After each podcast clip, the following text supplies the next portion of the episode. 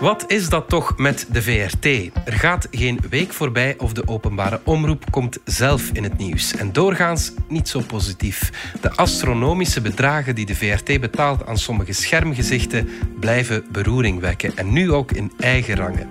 Daarboven kreeg de VRT vorige week speurders over de vloer. Gaan er nog lijken uit de kast vallen?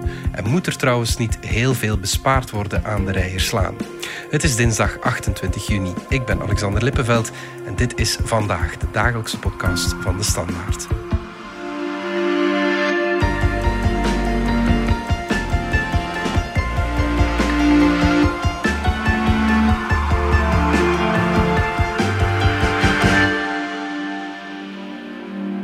Valerie Droeven van onze mediaredactie. Je tekende afgelopen weekend ja, toch wel voor het interview van het weekend met Siska Schoeters, VRT, gezegd. Ik hoop dat mijn dochter mag opgroeien in een wereld waar hardwerkende vrouwen ook aan de top staan van mooie jaarlonen. Ik mag duidelijk zeggen: kom aan jongens, vier van de 19, dat kunnen jullie echt niet meer maken. Die verhouding is middeleeuws. Er zijn massa's getalenteerde vrouwen. Bovendien, welk beeld hangt de VRT nu op? Dat ze ervoor kiest dat haar zes belangrijkste gezichten mannen zijn. Ook al doet ze het niet doelbewust, mensen krijgen wel die indruk. Dat klopt gewoon niet meer. We hoorden hier zo net een uh, voorgelezen fragment uit dat interview. Vertel ons eens wat ze precies zei en in welke context. Dankjewel, Alexander, voor het compliment. Uh, om te beginnen.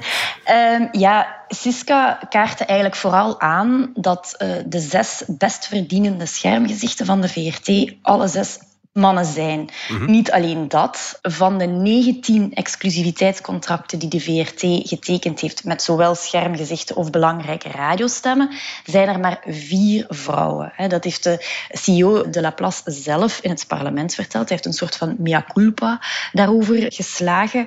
Maar Siska, die zelf een van de leading ladies van 1 en Radio 2 is, en waarschijnlijk ook een van de best verdienende vrouwen mm-hmm. die een exclusiviteitscontract hebben bij de VRT, vond het aan haar om daarover aan de alarmbel te trekken. Dit is trouwens wat Siska Schoeters er zelf over zegt. Ik verdien genoeg, ik kan mijn huis afbetalen, mijn kinderen komen niet tekort. Het gaat ook niet over mij, het gaat over de loonkloof. Nu is wel duidelijk bewezen dat die in onze sector nog heel groot is. En daar word ik verdrietig van. Kijk, VRT, we zijn 2022. Ja. Toplonen mogen ook wel eens naar vrouwen gaan. En om, om hoeveel geld gaat het dan zo? Uh, dus een week uh, voor de VRT zijn jaarverslag in het parlement moest gaan voorstellen, lekte een deeltje daarvan al uit. En in dat deel stond dat zes mannen, weten we nu dus, meer dan 300.000 euro per jaar krijgen hè, voor hun exclusiviteits contract. Ehm, dus dat wil zeggen dat zijn mannen die op zelfstandige basis voor de VRT werken en die om exclusief voor de VRT te werken dat bedrag krijgen. Er zijn elf mensen die tussen de 100 en de 300 krijgen voor een exclusiviteitscontract. Siska gaf toe dat zij daarbij behoort, of toch haar contract dat begint te lopen vanaf september, hè, ligt daartussen. En dan zijn er nog een enkele die onder de 100.000 liggen. Weten we wie die zes zijn? Want daar gaat het natuurlijk Daar wordt natuurlijk al weken over gespeculeerd. Um, ja. Ik kan, met zekerheid kan ik geen enkele naam noemen. Er zijn namen die circuleren. Uh, laten we het erop houden dat de grote trekkers van de VRT, genre Tom Waas, Philippe Geubels, Jeroen, ja. hè, de mensen die al lang een gezicht zijn, vaak op zondagavond grote relevante programma's maken, ja. dat zij daar zeker wel bij horen. Eén iemand die daar naar alle waarschijnlijkheid ook bij hoort en nog weinig gedaan heeft voor de VRT is Niels de Stadsbader. Die is vorige zomer overgekomen van VTM naar de VRT. En over zijn contract is wel veel te doen geweest, omdat de VRT daar toen beschuldigd werd. Zij ontkennen zelf van opgeboden te hebben uh, tegen die. Wat ze niet mogen. Wat ze niet uh, mogen ja. volgens de beheersovereenkomst. Dat is het contract tussen de VRT en de Vlaamse regering. Ja. zeggen dat ze dat niet gedaan hebben. Ze zeggen gewoon dat ze hem betaald hebben volgens zijn marktwaarde. Maar hoeveel hij verdient, ja. weten we niet. Nee. Um, nu, het gaat over Siska Soeters. Zij zit zelf bij die 19 en verdient dus tussen de 100 en de 300.000 euro. Vanaf september, ja, laat ons eerlijk zijn, dat is, dat is nu ook niet slecht, hè, Valerie? Nee, absoluut niet. En ik kan me ook voorstellen dat zelfs dat bedrag op dit moment uh, bij de VRT intern gevoelig ligt. Uh, de VRT heeft enkele maanden geleden een transformatieplan voorgesteld, waar ook redelijk grote besparingen mee gepaard gaan. Dus de omroep is wel op dit moment onverwacht in een besparingsmodus terechtgekomen. Dus ik kan me wel voorstellen dat zo'n bedrag intern wel uh, reactie opwekt. Nu, ik heb natuurlijk die vraag ook zelf aan Siska gesteld, van zijn dat geen hoge bedragen? En zij verdedigde dat wel heel erg. Zij, zij was erg voorstander van de exclusiviteitscontracten. Ze zegt, uh, if you pay peanuts, you, you get monkeys. Hè? Dus het, ja. gaat erom, mensen moeten betaald worden volgens hun uh, marktwaarde. We hebben ook eigenlijk helemaal geen zicht wat er bij andere bedrijven betaald wordt voor belangrijke gezichten. Maar dit zijn wel allemaal mensen die mee ja, het gezicht van de VRT bepalen, die vaak kwetsbare carrières hebben, want het kan elk moment gedaan zijn. Mhm. Los daarvan um, hoor ik wel intern mensen zeggen van tot voor kort was 300.000 toch wel echt zo'n mentale grens waar we zelden over gingen. Het is toch wel frappant, toch, laten we zeggen, dat er zes mensen wel boven zitten. Ja. En waarom was dat dan een, een mentale grens? Ja, sowieso is het politiek gezien al een beetje een grens, omdat eh, de premiernorm, dat is eh, wat de premier of de minister-president, de Vlaamse minister-president, bij ons verdient. En die ligt onder de 300.000 euro. Uh, Dus dat is een soort van grens.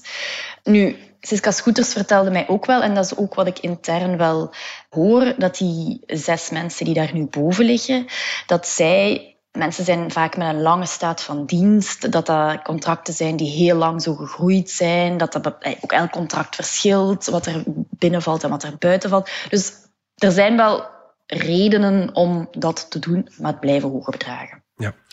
En hoe wordt er nu gereageerd op die monsterbedragen? Het viel dit weekend op uh, dat uh, de meeste schermgezichten van de VRT zich op dit moment erg in uh, stilzwijgen hullen. Hè. Dus daar horen we heel weinig van. Siska heeft dit probleem zelf eerder aangekaart op een Instagram-post. Ze is daar toen wel voor op haar vingers getikt. Hè. Dus de communicatie wordt heel strak gehouden hierover. Toen het nieuws van die zes grootverdieners bekend raakte, heeft de oppositiepartij Vlaams Belang wel heel heftig gereageerd dat dit echt uh, uh, veel te hoge bedragen waren. Maar voor de rest is het in de politiek redelijk rustig gebleven. Ook de vakbonden die op dit moment besparingsplannen aan het onderhandelen zijn, bleven redelijk gematigd hierover. Het idee is wel dat de VRT sterke schermgezichten nodig heeft om impact te kunnen blijven uh, hebben en om, om groot genoeg te kunnen blijven zijn om haar opdracht uh, te volbrengen. Dat is eigenlijk wel ja. uh, zo. Maar natuurlijk, als je online keek dit weekend, werd er getierd door het gewone volk. en sommige ja, mensen ja, vonden ook wel dat ze gelijk had over de vrouwonvriendelijke manier van. Ja, uh, want daar gaat het volgens haar vooral om, hè, dat die, er maar vier van die 19 vrouwen zijn. Ja, daar heeft ze ook echt wel heel veel lof voor gekregen. Dat ze zich daar, dat ze daar voor haar nek durfde uitsteken is de huidige directie onder leiding van CEO Frederik de Laplace van plan om die lijn van die exclusiviteitscontracten aan te houden? Uh, want ja, je zegt het al, er moet toch bespaard worden? Uh, Frederik de Laplace heeft bij de voorstelling van het jaarverslag het bestaan van de exclusiviteitscontracten verdedigd. Uiteraard moet je investeren in trekkers om een breed en groot bereik uh, te houden. Bieden wij bovenop de contracten van onze concurrenten? Nee.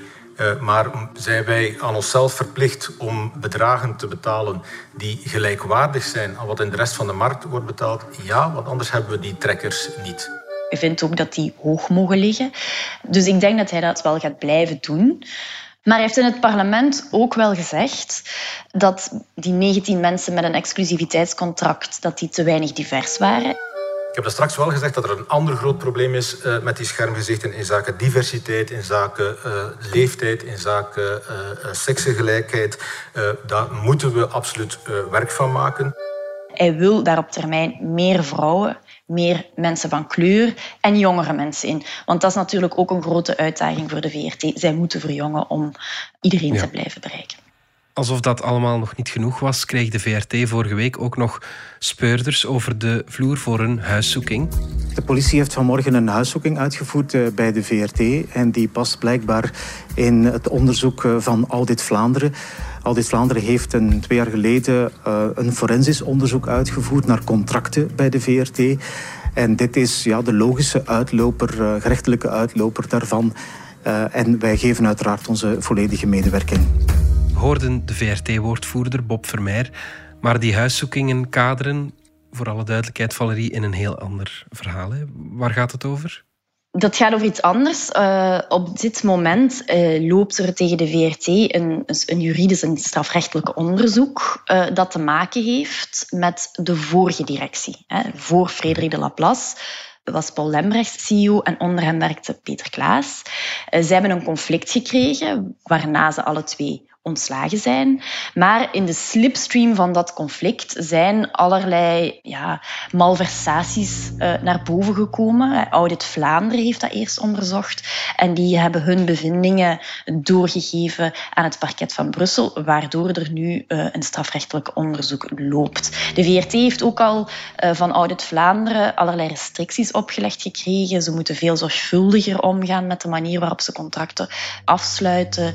Het, het gaat voornamelijk namelijk om financiële malversaties over contracten die de toenmalige directeur productie en media Peter Klaas destijds heeft afgesloten, ook met schermgezichten. Uh, die zouden niet zorgvuldig genoeg opgesteld zijn. Die zouden ook niet transparant genoeg opgesteld zijn. Dus die huiszoekingen draaien vooral rond hem en wat hij verkeerd gedaan heeft, voor zover we weten. Ja. En wordt daarmee de naam van Paul Lembrechts dan, de toenmalige CEO, gezuiverd? In elk geval kan ik wel zeggen dat er bij zijn thuis geen huiszoekingen zijn geweest. Uh, en, en voorts moet het onderzoek dat uitwijzen. Ja, en zijn er al reacties van de betrokkenen? Of, nee. Uh, nee. Wanneer zullen we het fijne weten van die hele zaak, denk je? Ik neem aan dat dat nog even zal duren, ook omdat niemand deze huiszoekingen nu nog had verwacht. Uh, het hele conflict dateert van 2019, dat is toch drie jaar geleden. Uh, hmm. Dus ik, ik, neem aan dat zo'n onderzoek wel tijd in beslag kan nemen. Ja. We gaan er even uit voor een korte boodschap. Je staat op een festival. Iedereen steekt zijn smartphone in de lucht. En plots zie je allemaal rode vierkantjes. Je bent op een etentje. En op het aanrecht ligt een smartphone met weer dat rode vierkantje. De nieuwsapp van de Standaard is jouw rode draad door de zomer. Met naast betrouwbaar nieuws ook gratis zomerse cultuurtips, inspirerende weekmenu's en de nieuwe rubriek Uit het Hart over de gewone en minder gewone dingen des levens. En dat allemaal in dat rode vierkantje. Download nu gratis de DS Nieuwsapp. Terug naar de VRT. Valerie, voor het imago van de openbare omroep zijn dat toch twee heel vervelende zaken, lijkt mij ze hebben toch nog steeds een soort van voorbeeldfunctie. Hè? Ja, absoluut. Er wordt altijd met heel grote ogen naar die openbare omroep gekeken. Ze werken grotendeels met ons belastingsgeld, dus vinden veel mensen dat ze daar wel uh, veel over te zeggen hebben. Nu, um, Frederik de Laplace is niet in de fijnste omstandigheden CEO geworden. Hè. Is dat geworden na dat conflict aan de top waar de vuile was buiten hing van de openbare omroep. Maar ook nu weer, hij probeert het op te lossen. En ik ga niet zeggen dat hij dat slecht doet, maar uh, ook over die vrouwen, die diversiteit, die verjonging, dat zijn wel zeer wezenlijke uitdagingen die hij voor zich heeft liggen. En hij gaat daar snel een antwoord op moeten bieden. Ook omdat ze moeten genoeg volk blijven bereiken. Hè. Dus ja, het wordt wel heet onder zijn voeten, denk ik. Ja, en zijn er al gevolgen voelbaar, bijvoorbeeld in kijkcijfers of in dotatie? De dotatie die zij krijgen van de overheid, die zit vastgeklonken in de beheersovereenkomst. Dus sowieso kunnen daar absoluut geen uh, aanpassingen aan gebeuren. Los daarvan is er een mediacommissie die in het oog houdt wat ze doen. En kijkcijfergewijs doen ze het niet zo slecht. Alleen hebben ze een oud publiek. Hè. Dat, dat geeft ze zelf ook wel toe. Dus die verjonging en die diversificatie is echt wel nodig bij de VRT als ze in de toekomst relevant willen blijven. Het zijn moeilijke, woelige tijden voor in de media. Dus ja, mhm. ze zijn aan het nadenken op dit moment hoe ze daar het schip moeten keren. Ja, en hoe, hoe kunnen ze dat doen? Hoe kunnen ze hun schip doen keren, denk je? Ze zijn goed op weg om dat te doen. Hè. Die, die transparantie die ze nu aan de dag leggen, uh, is bijvoorbeeld al, al goed. Dat is gevraagd. Ze doen dat. Ze proberen ook veel rigider met hun contracten om te gaan.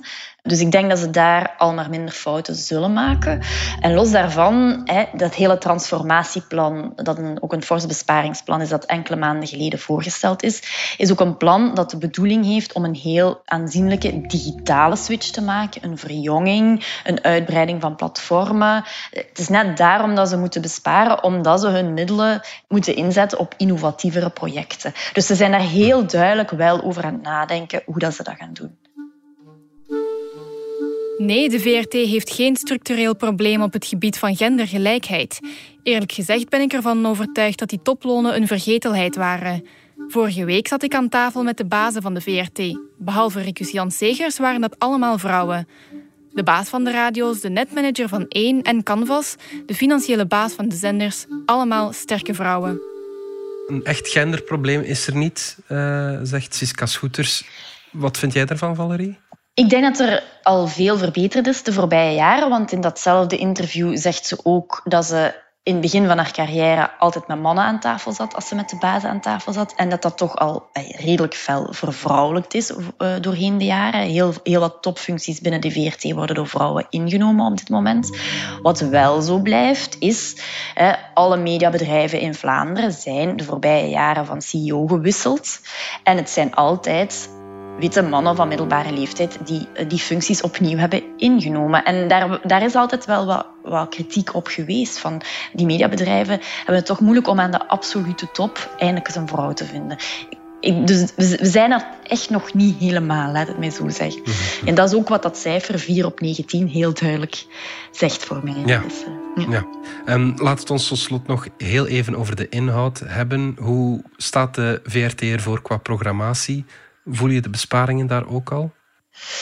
Uh, ik zie het op het scherm, vind ik het nog redelijk uh, oké. Uh, maar je voelt als je rondbelt bij de productiehuizen dat het veel moeilijker is om ideeën gepitcht te krijgen. De fictiesector vreest ook een beetje, want fictie is heel duur. Dat het allemaal moeilijker wordt om, om goede, prestigieuze fictieprojecten verkocht te krijgen aan de VRT. Ze willen een switch maken onder de nieuwe directeur content, Ricus Jan Segers, naar iets populairdere programmatie. Ze willen meer shiny floor shows gaan doen, zoals ze zeggen. De grote live shows die VTM doet, daar een voorbeeld aan nemen. Dat zijn heel dure dingen waar ze echt op inzetten.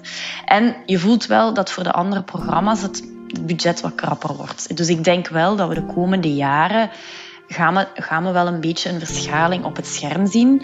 Ook omdat niet alleen dat scherm, die tv, belangrijk is, maar daarbuiten moeten ze op allerlei andere platformen ook initiatieven nemen. En daar kruipt natuurlijk ook wel geld in. Hè? Ja, natuurlijk. Ja. Goed, Valerie Droeven, dankjewel.